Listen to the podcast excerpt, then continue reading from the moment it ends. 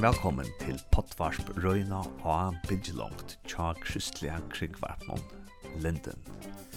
Henta samråan som tog først at høyra nå, hon er ur morgonsendingen i Linden som heter A Bidjelongt. Og samråan er klippt så løs bors at løyene til høyrast ikkje vi hesser samråan.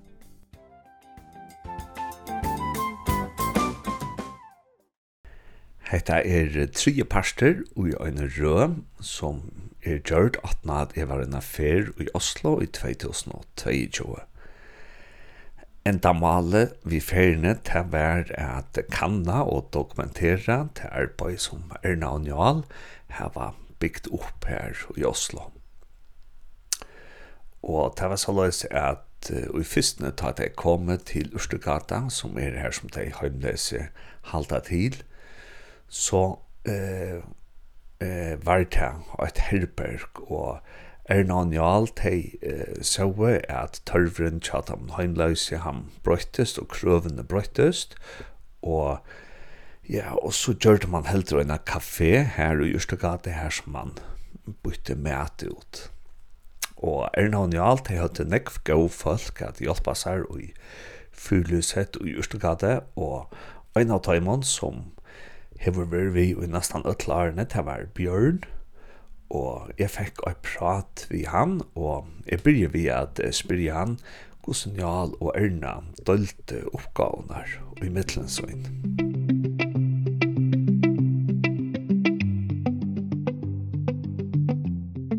Og, hva du husker den tiden, hvordan var fordelingen mellom Erna og Njal? Ja, Erna var jo den som var primus motor i, korp, i, i fyruskorpset. Altså det praktiske og alt sånt. Njål var den som eh, skapte blest om det. Eh, overfor media og kommune og den biten av det. Og, så de utfyllde hverandre veldig, veldig godt. Det gjorde de. Hun var en stødig klippe, og Njål var den aktive utadvendte. Og vi fikk et veldig fint team. Og Svein Jål var den gangen en fantastisk sjef, begge to. Altså Erna og Jål. Og det var høyt under taket. Og det var en tid hvor det var et veldig stort trykk på senteret. Altså det var veldig mange mennesker som kom ut hver dag. Så når vi åpnet klokken ni, så kunne det stå kanskje 30-40 stykker og vente på å komme inn. Eh, Og vi ble liksom en familie, vi som var frivillige der. Det var jo flere frivillige enn meg. Noen var i vaskeriet, noen drev med transport, og noen serverte kaffe og ryddet border. Så vi var et fint team. Så vi ble en stor familie, vi som var ansatt også, og brukerne. Vi ble liksom kamerater og kjente hverandre godt. Og det tror jeg skapte et annet hjem for mange av disse brukerne. Helt opplagt. Og det er gode minner når jeg tenker tilbake. Og dette stedet, og det er den fyrlyskorpset som det var den gangen, det hadde aldri blitt sånn uten Erna Anjol. De la hele sin sjel i dette her. Og de hadde jo ikke noe syv, til, syv og åtte timers dager. Det var nesten døgnet rundt. Og de var jo behjelpelige med begravelser. Det var mange som overdoser den, den tiden. Og vi bistod familier, vi hadde begravelser for familien i Hurtigrata. Og Njål forrettet jo i begravelsene stadig vekk, og hvor vi også var til stede. Og så vi ble liksom en stor familie med forskjellige av ja, de brukerne hadde forskjellige rusproblemer. Ikke sant? Det var jo både rødsprit, ja, de gamle guttene. Det var øl, og det var sprit, og, og, og så en del narkomane etter hvert. da, Og de som snift. Så vi måtte jo kontrollere alle som kom inn i gangen. Kroppsvisitere hadde jo et eget skap hvor vi låste inn forbudte varer. Og, så, og det ga de fra seg. Og fikk det tilbake når de gikk ut. Så, så Njål skapte liksom han og Erna, da. Hun skapte et fantastisk sånn, trygt miljø for de. Det var jo mye rart som ble sagt, og mye latter og mye tull og tøys. Men det likte de den dialogen vi hadde med de, og vice versa. Og, og I, i serverte så frokost, lunsj og om aften? Vi serverte, når de kom inn, så hadde vi smurt opp mange, mange fat med smørbrød i disken, eller også matpakker, hvor det var liksom ost eller skink og sånt nå. Ferdig pakket, så fikk de en matpakke hver når de kom inn. Og, og så fikk de te og kaffe så mye de orket. Mellom klokken 9 og klokken 2, da stengte vi senteret for kafédrift. Og da stengte vi også vaskeriet, for det var jo mye å gjøre etterpå. Ikke sant? Det skulle være klart til neste dag også. Så det var liksom den daglige rutinen. Og selvfølgelig så var det og du vet, en, når folk er beruset, så kan det gå en kule varmt noen ganger. Det, det var jo en del bråk også, så vi måtte liksom ta vare på det. Og så gikk det over igjen, så var det på plass igjen dagen etter. Og var det veldig ille, så måtte vi jo liksom nekte det. Eh, kanskje en uke. Men det var det grove overtredelser som vi satte en straff for da. Og da gjentok ikke det seg stort sett. Da lærte de litt. Men på en hyggelig måte. Og de forstod det. Så det er det å kommunisere godt med de, og være på lag på en måte. Så de forstod at de gjorde noe feil, og så aksepterte de det da, stort sett med litt sure minner när det gick. Så, ja. så det, sånn var det. Og, og, og når Isa skulle servere brød med mm, hamburger og ost og alt det her, hvor kom all den maten fra? Ja, vi hadde jo en grossist som vi kjøpte noe tørrvare fra da. Altså, men eh, brød, for eksempel til alle matbakkene vi smurte, det hentet vi hos Bakke Samson i på bakeriet. Så der var jeg stort sett hver ettermiddag klokken halv to. Og da kunne vi få plukke dagens brød i flere sekker, vet du, som vi bar inn på ettermiddagen. Og så ble det skåret opp, og så noen smurte på kvelden og noen på morgenen. Og så hadde vi klart matpakker hele dagen. Og så kunne vi også servere lunsj eller varm mat, kanskje suppe eller noe sånt noe, ettersom vi fikk råvarer til det. Så sånn var det. Og så hadde vi ofte noe som vi kaller fårikål her i Norge. Jeg vet ikke om dere kjenner det. det. De lammene fikk vi også fra en stor, stor kjøpmann i Oslo som ville gi oss det. Og det brukte vi stadig vekk til å lage dette kanskje et par år. Og så hadde vi avtale med industrien, sånn som kooperasjonen, samvirkelagene når det skjedde noe med frysediskene deres, eksempel, Det hendte at strømmen kunne gå i en fryser. Så ringte de oss. Og hvis de ville, så kunne vi komme opp og hente det vi klarte. Og det var vi takknemlige for, og kjørte det ned i fryselagerne våre i Hjortegaten. Og så kom det brukeren til gode igjen.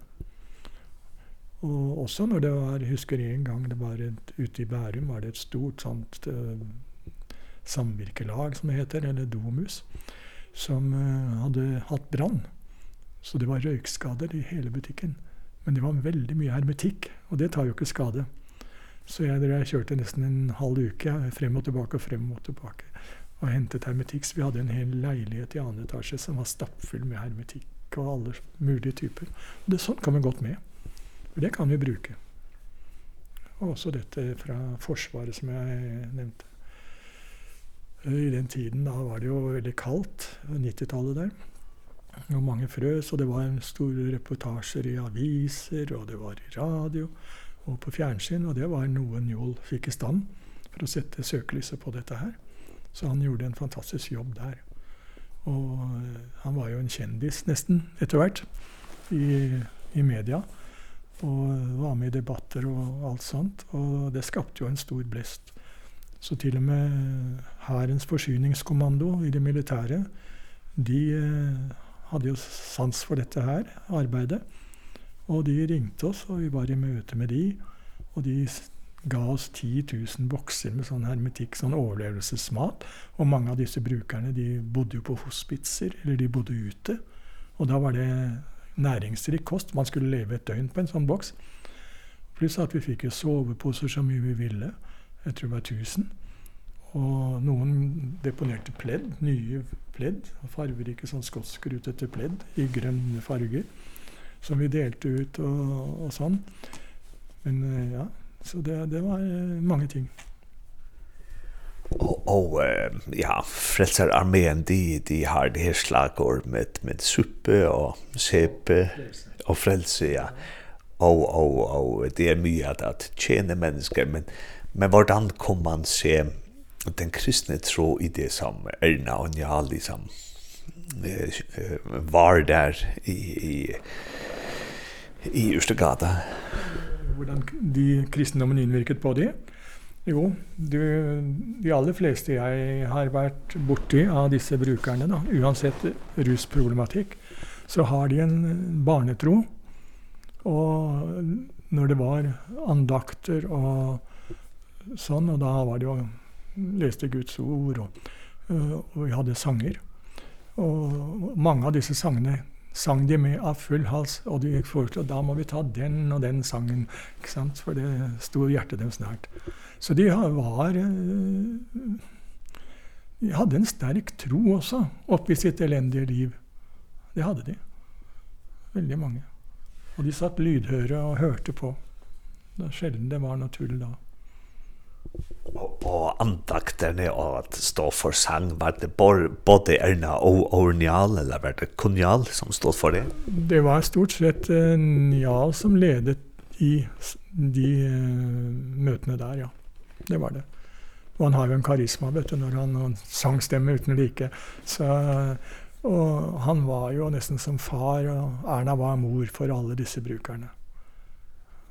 Gjennom mange, mange år han kjenner jo familien, ikke sant, og det er mange begravelser og alt. Og vi arrangerte jo da minnestunder i Urtegaten med familier til stede også, for de avdøde.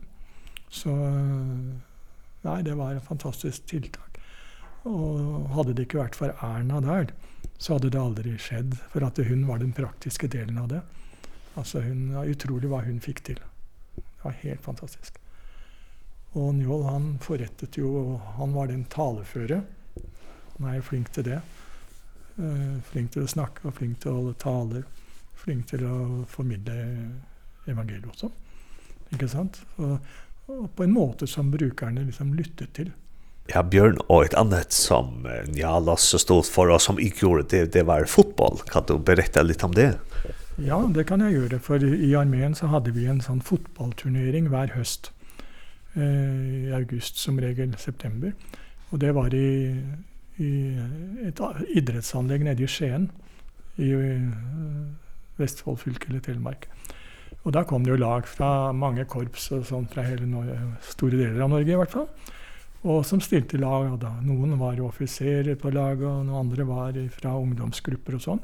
Og Fyrlyset, vi stilte også et fotballag med brukere. Og det var et sjansespill, for vi, vi, vi måtte jo reise da dagen før turneringen. Og om vi klarte å samle nok, som var sto på beina den dagen. da.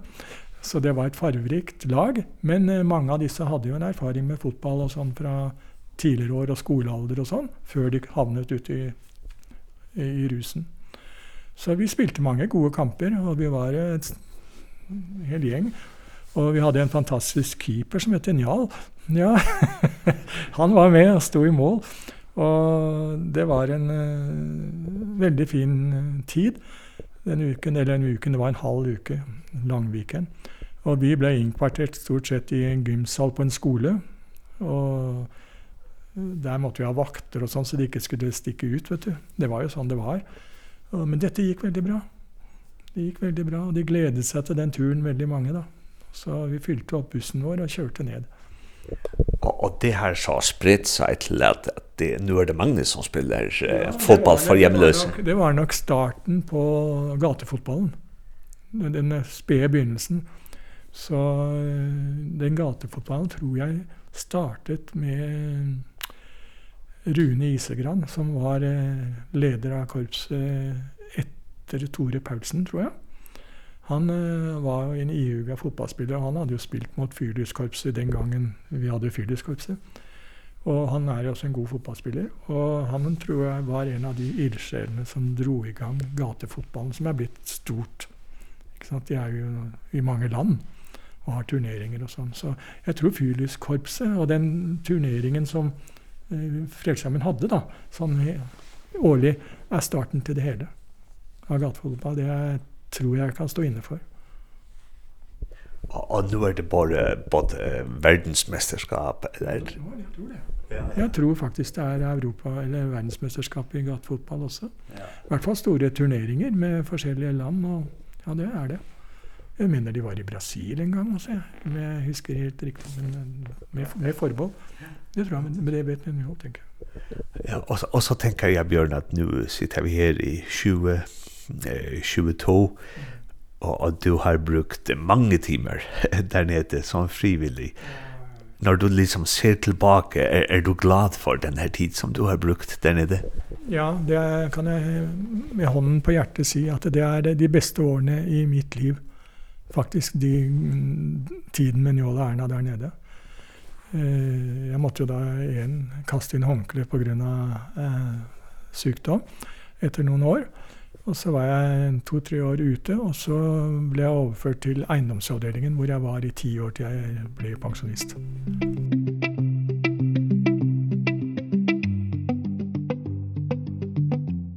Og nå får vi så at uh, høyre i prat vi Njal Makai Djurhus Kjolvan, og ja, og at nå det så kommer en sanker som han innskjer seg.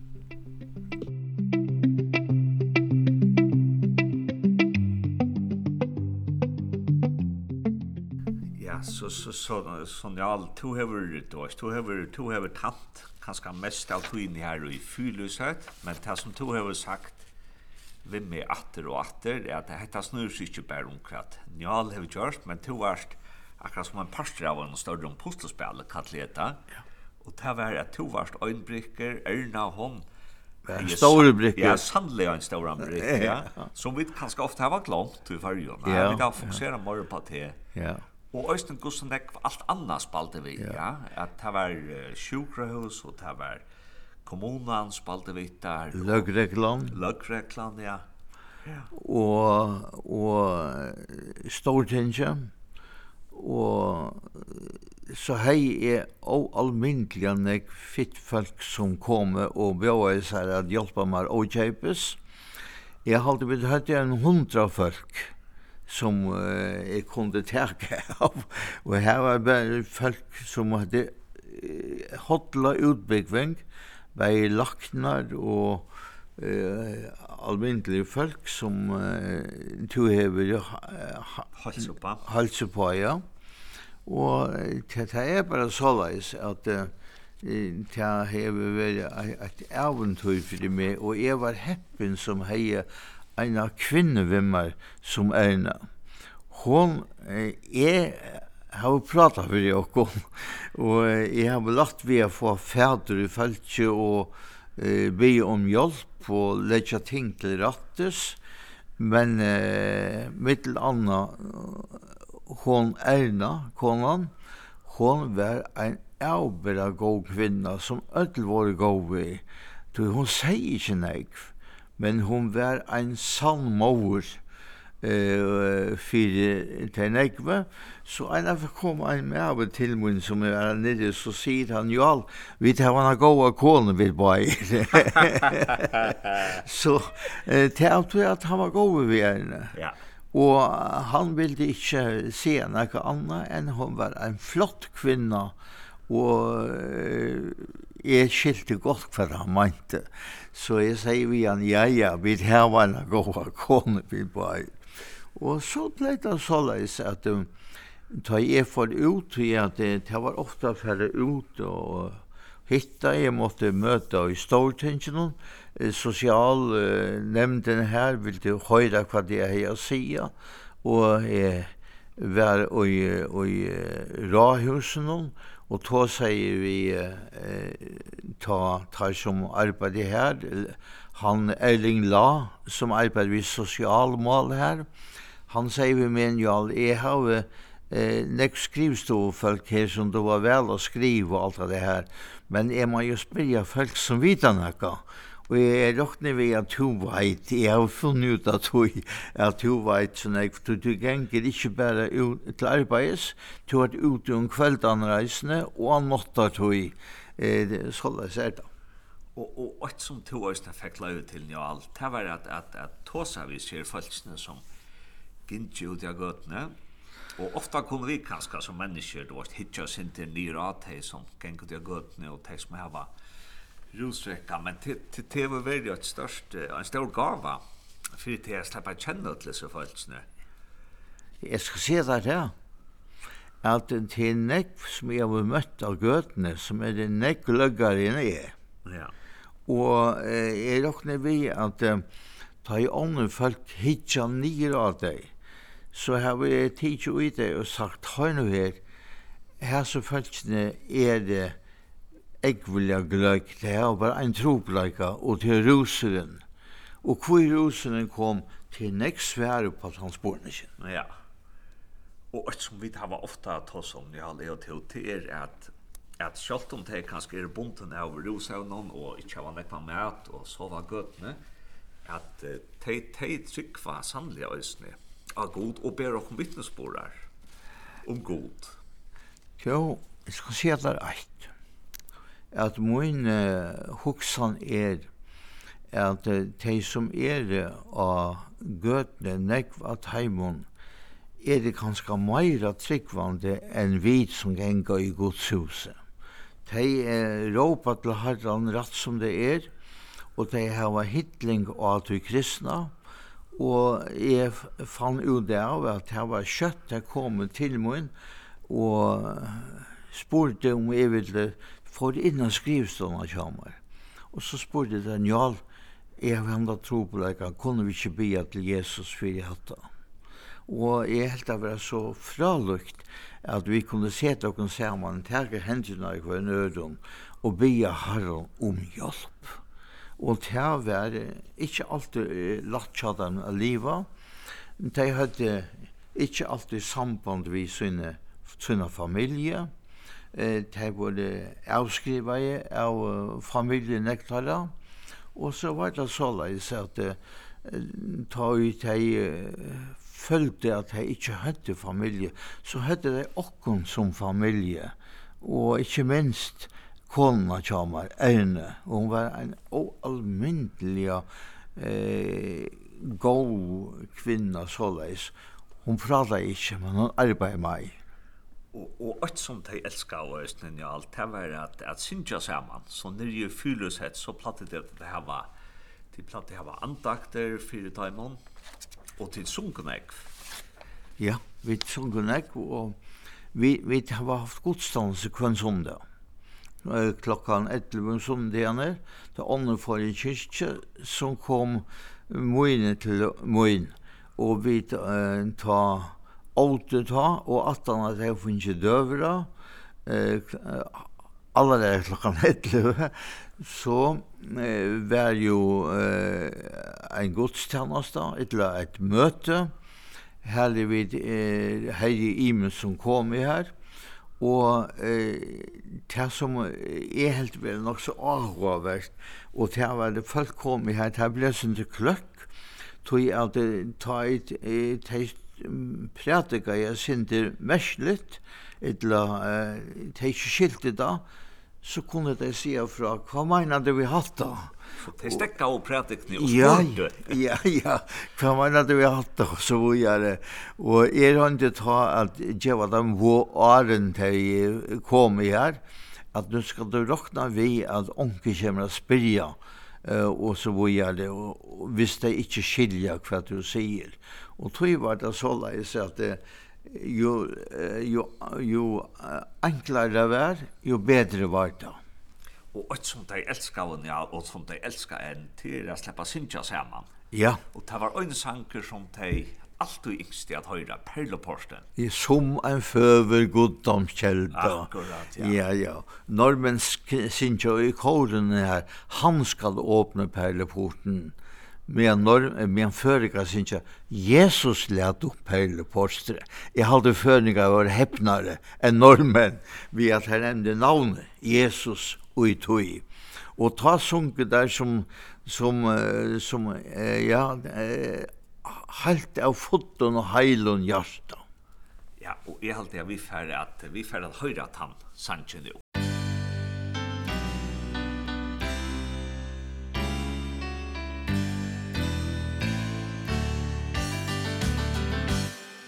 Sommar goddoms guddomskälda Djup och ond är fotlådor nøye og tan gønska Som og Jesu hjärsta bor Jesus lät och perl och barstre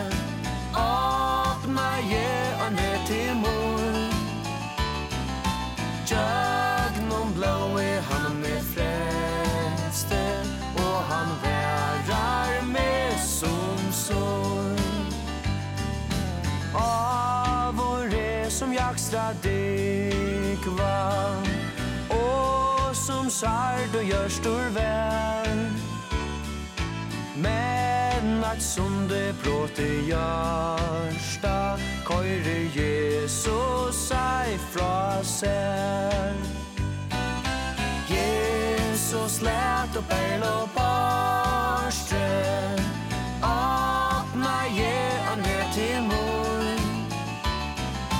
Tjøknum blåi han med frøste Og han værar med som sol Ondor river om og rondor Sind mun fjalt var øyna fer Tøy om Jesu ruik og maie Gleie sång og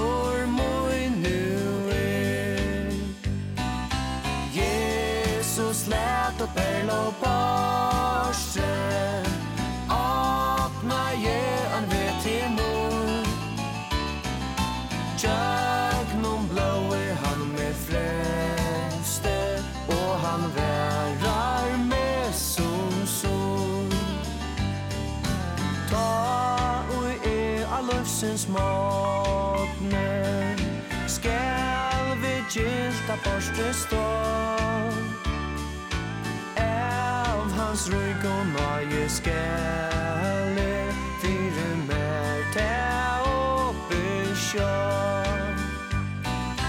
Jesus let opp en og bar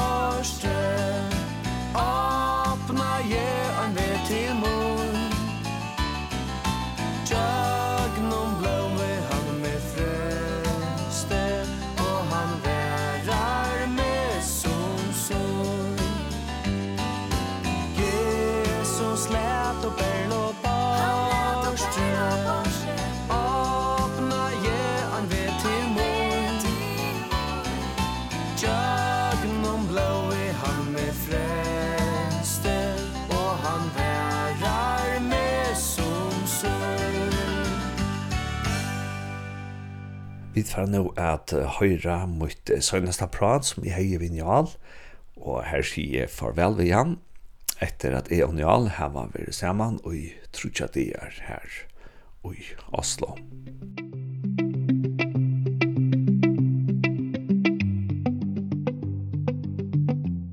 Ja, Njal tror å oppleve nekvar hentingar, og Øystein Stortligar og Olvar Kan du fortelle en, en særlig hending som har sett seg spår? Som...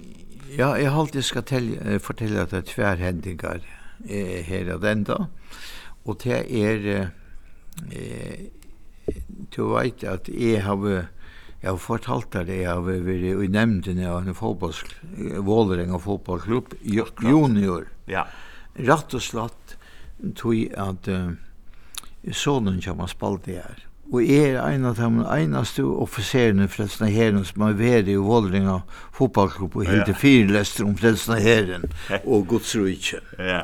Og uh, så, så, så var jeg nere en dag inn til og, og uh, tar ikke mer spalt i fotball, til slapp jeg trene her. Og der har ikke betalt i et lag, der slapp jeg trene her. Og så tar jeg trene en her. Og så er ein som sier vimmen, ja, her ligger ein mever under tribunene til å avskåre paddelen og en fotbollsvettel langt nyrre. Ja. Og jeg halte til oss fære og hjelpe oss til å vite hvordan dette ligger fire og hvordan hever det. Og jeg var klar, jeg sa til boja i bilen og hukte etter ja, kvölde, han kom, han kom ikke fyrir en om tudja etlu tøyna søtte der, og ta, og ja, han var komende på plass, så får jeg at han noen inn, og hei med mæt, kaffe og breisikker. Og så sier jeg vi han hei, til at det var mest, så sier han hei, hei, så sier jeg, nei, er det to? Jeg kjente han. Ja så sier jeg, hvor ikke du sagt meg fra at du liker så leis, til at du kan komme inn, jeg kan skaffa plass for det ungstene inne. Nei, han klarer ikke vekker. Ja. Den at har blivit för trångt för han. Ja. altså forbi. Ja. Så han han vill helst ikke ute. Vi han ju li her, Ja, han är li og, og, och näkva manar sier han med. All right så får jeg spyrja han om jeg har ikke familie og så videre og da fortalte han for meg at han har unga familie. Og så som vi lever i dag og så nå jeg var heima en dag så nå ringer telefonen. Og det var sent eh, og deg og ta er det Ulvål sjukhus som sier til kom inn en maver her som sier at to og konan er det nærmeste familien jo. Ja. og jeg skilte ta så måtte være en som jeg kjente, så sier jeg hvordan eider han? Og så der hvordan han er at ta skilte til å være maveren. Og jeg korte beina vi inn av sjukhuset og få til hans herre og vær sammen vi innom og jeg eh, var det han som skulle be en av bøn ja, ja, ja. og lese Guds år for henne. Og hette han tjekk fire seg en av tog i. Så eh, får jeg en sånn dag. Etter at jeg har vært og i forelåsen har haft sånn morgenmøte her, så får jeg nian av sjukhuset og spurte om jeg ikke kunne få slippe vidtjen. Jo, han la en av rommet, så det var alltid leie. Jeg får ta nian av vidtjen, og og så sier jeg vi han, to, et skal du vite, at Erna og jeg, vi bia fyrir dag for en eneste dag. Jeg bia eisne, sier han. Hva sier du, bia du eisne, det var stolt å høyra, sier vi han. Og så eh, sier jeg, hva er det hva, nå skal fortelle meg, hva er det du bier? Jo, jeg bier, jeg, jeg skiftet tver bøner. Jeg bier fer i var, Og så be en av bøn som mamma min lærte meg det var smadrong. Mm. Vast du kvært? Nu skal jeg ikke være at han som ber. Men skal lese Guds år, så skal du be bønene som mamma din lærte. Og så leser jeg Guds år, og så sier vi igjen, nu skal jeg sete meg stilleslige nyer, og så skal jeg holde i hånden av hver nøren. Og så skal du be bønene som mamma din lærte og da helt han i boa og hendene av meg. Og så be han fylltjande, Nå lukker seg mitt øye, Gud fader i det høye, i vare tekt meg ta, fra synd og sorg og fare, din engel meg bevare, som ledet har min fot i dag. Så sier vi igjen, varst du kvart? nu er det to hever som vi hever bygge for mer og for okkom bavon. Altså nu blei vi så fall sikna for. Og takk for at du bast hans av bønene. Og så gjerne jeg har lagt henne selv for. Ja. Og jeg tjert henne ofte eisene og bi. Så får jeg heim. Og så sier vi Erne, Erna, nu er jeg blivet valsikna for det. Hva er det hent, sier hun. Jo, eh, han be en bøn for meg som eh, er vera Olvold sjukhus. Han be en bøn for meg som var en bøn som var en bøn mamma hans har lært i han. Så hva var det jeg sier Erna? Så leser bønene for Erna. Og så sier jeg, ja, hva er det hva, Det var han som var signa i meg. Ja. Jeg rønte eisen jeg leser Guds ord, jeg halde det var signa i han. Og så sa vi det her, og Åde Døvra, da ringte telefonen fra Ullevål sjukhus. Da sa de meg, ja, du må skåma til han er deir. Oh. Samma det da, ja. Ja. Jeg kan bare stutta han nå. Ja. Og så, uh, jeg visste han er ungan, gåan. Så jeg tog ta og øyna i fire vi måtte har gjerdanfellene for noen, og jeg bernerka komma vimmar i gjerdanfellene og vi var i åtta, åtta noen øyne og meg, vi var tudje til samans uh, i gjerdanfellene, og ta fortalte jeg taimen som så det her, hva han har gjort for meg, og be hans av bønene, og du kanst uh, lykke atla, det var nektar som var felt av hin åtta som sa det her, det var folk fra gøten i Heivimmer, og til gjerra ferna. Det var det ena. Så slag jeg det neste. Åtta sørste. Åtta sørste, ja. Og det var at det, det ringte fra sjukhuset til Moin, at nu måst du koma nian og vidja en mann som uh, hei lise om meg i, i bløvnå, og han ville fegne skulle komme av vidjan. Og jeg tenkte meg selv om, når skal komme? Du skal komme så kjøtt du kanst. Og så kommer det han til hans herre. Og så sutt han fyrir meg. Jeg kom inn av sjukerommet, og han ligger i sandkjene. Og så sier han, til flåusligt at du kommer til meg nå. Ja, men gå, hvis du ikke har meg, så kan du fære stia til, sier han. Nei, sier han, du skal ikke fære stia til, men jeg skal fortelle deg alt. At, at jeg har vært maskinveistere ved en kjent og reia røye her i Norge. Og jeg har silt rundt om i heimen. Og du måste ikke trykva at jeg kom i land at det var den fyrsta sjåmannskirkan jeg får til, Idlars fyrsta godshuset.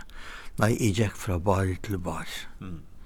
Og nu er jeg flåver iver at du skal komme, tog at jeg flåver iver at djeva var harra stumpaner av løyvungen. Det er så lutta lutla som etter er. Og ta, Då säger vi igen, minnes du, heit ångan du hårte om røvaren av krossen, Jo, sier han, jeg har hørt om han. Ja, han kom og syste løte. Og det er nok som kom og syste løte. Og jeg skal fortelle deg eit, jeg til lykke.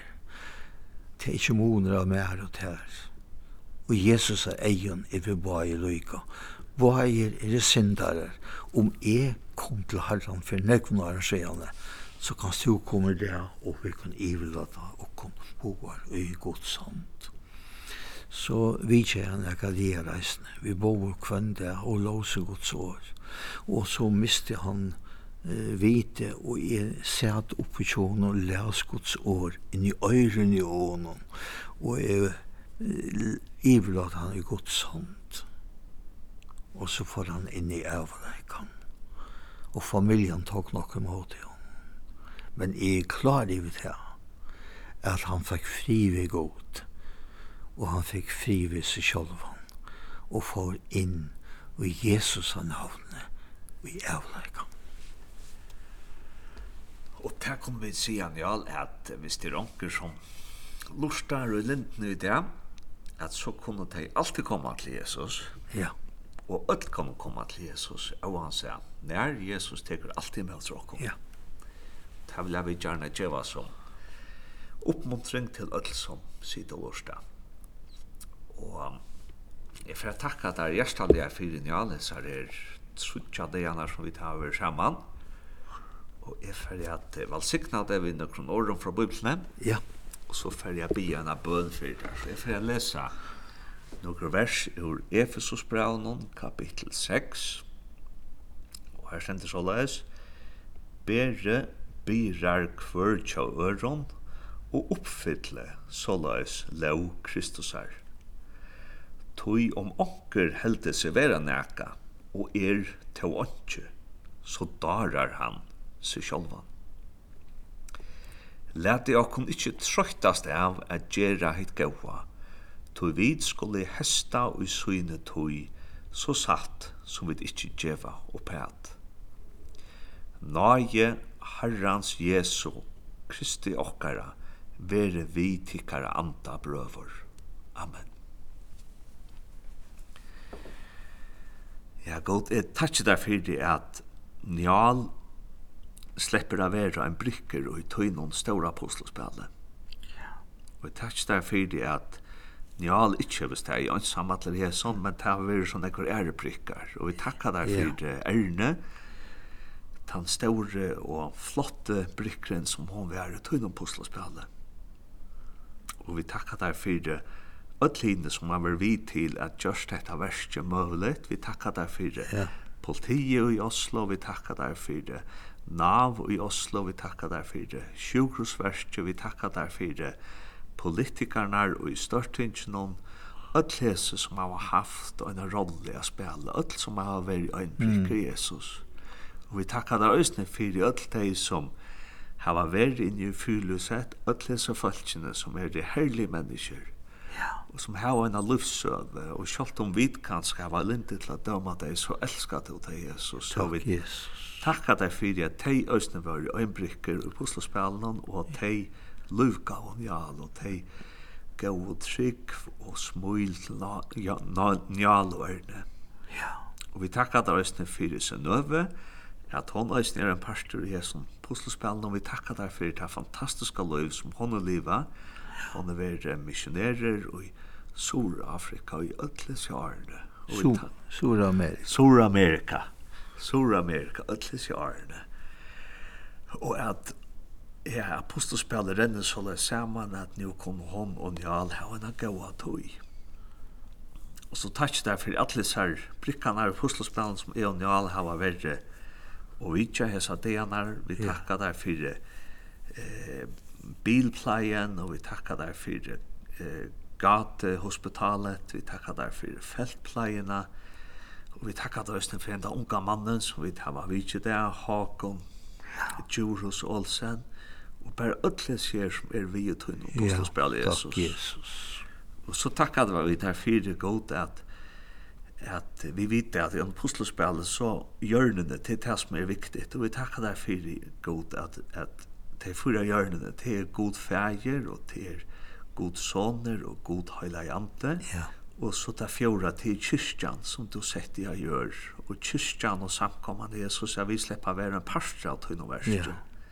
Og vi takkar deg for frelsnar herren som njal hever finnst løyvi at tant og i ötlis i årene. Og vi bia bara valsiktelse iver alt det arbeid som vi gjørst og i fyrlyset og i Ortegate og i Gatehospitalet og i öllon samkommun tjafrelsens her, og vi byr øysten for öllon samkommun, ja. som er uh, ta fjóra hjørna stitju upp Oslo spelen, at du bara måste vel sikna alla samkommer og i at det er øysten må tæna og elska mm. medmenneskene, og ja. teka okkon av det. Ja. Ta byr de om Jesus, og ja, vi takkar deg bare for det, at du er færger okkar god, og at du gav Jesus som frelsara så att vi kommer koma heim. Ja til himmelen, her som vi skulle møte ødlån natter som ja. undan fjorden. Ja. Så takker vi deg bare for Jesus og tøyne navnet. Amen. Amen.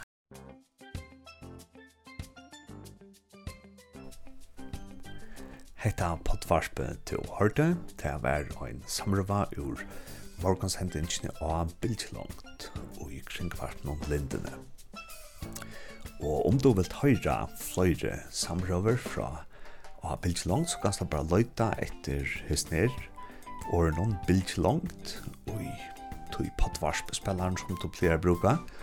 Og her er det så løs at hvis du truster av til rinjeklokkene som er nere under navnet, noen, så er det så løs at du bare fylger potvarpene, og øyne at hver jeg fer en nødvendig parster kommer ut, så først då en notifikasjon, et eller annet bo om at nå er nutjo parster kommet ut.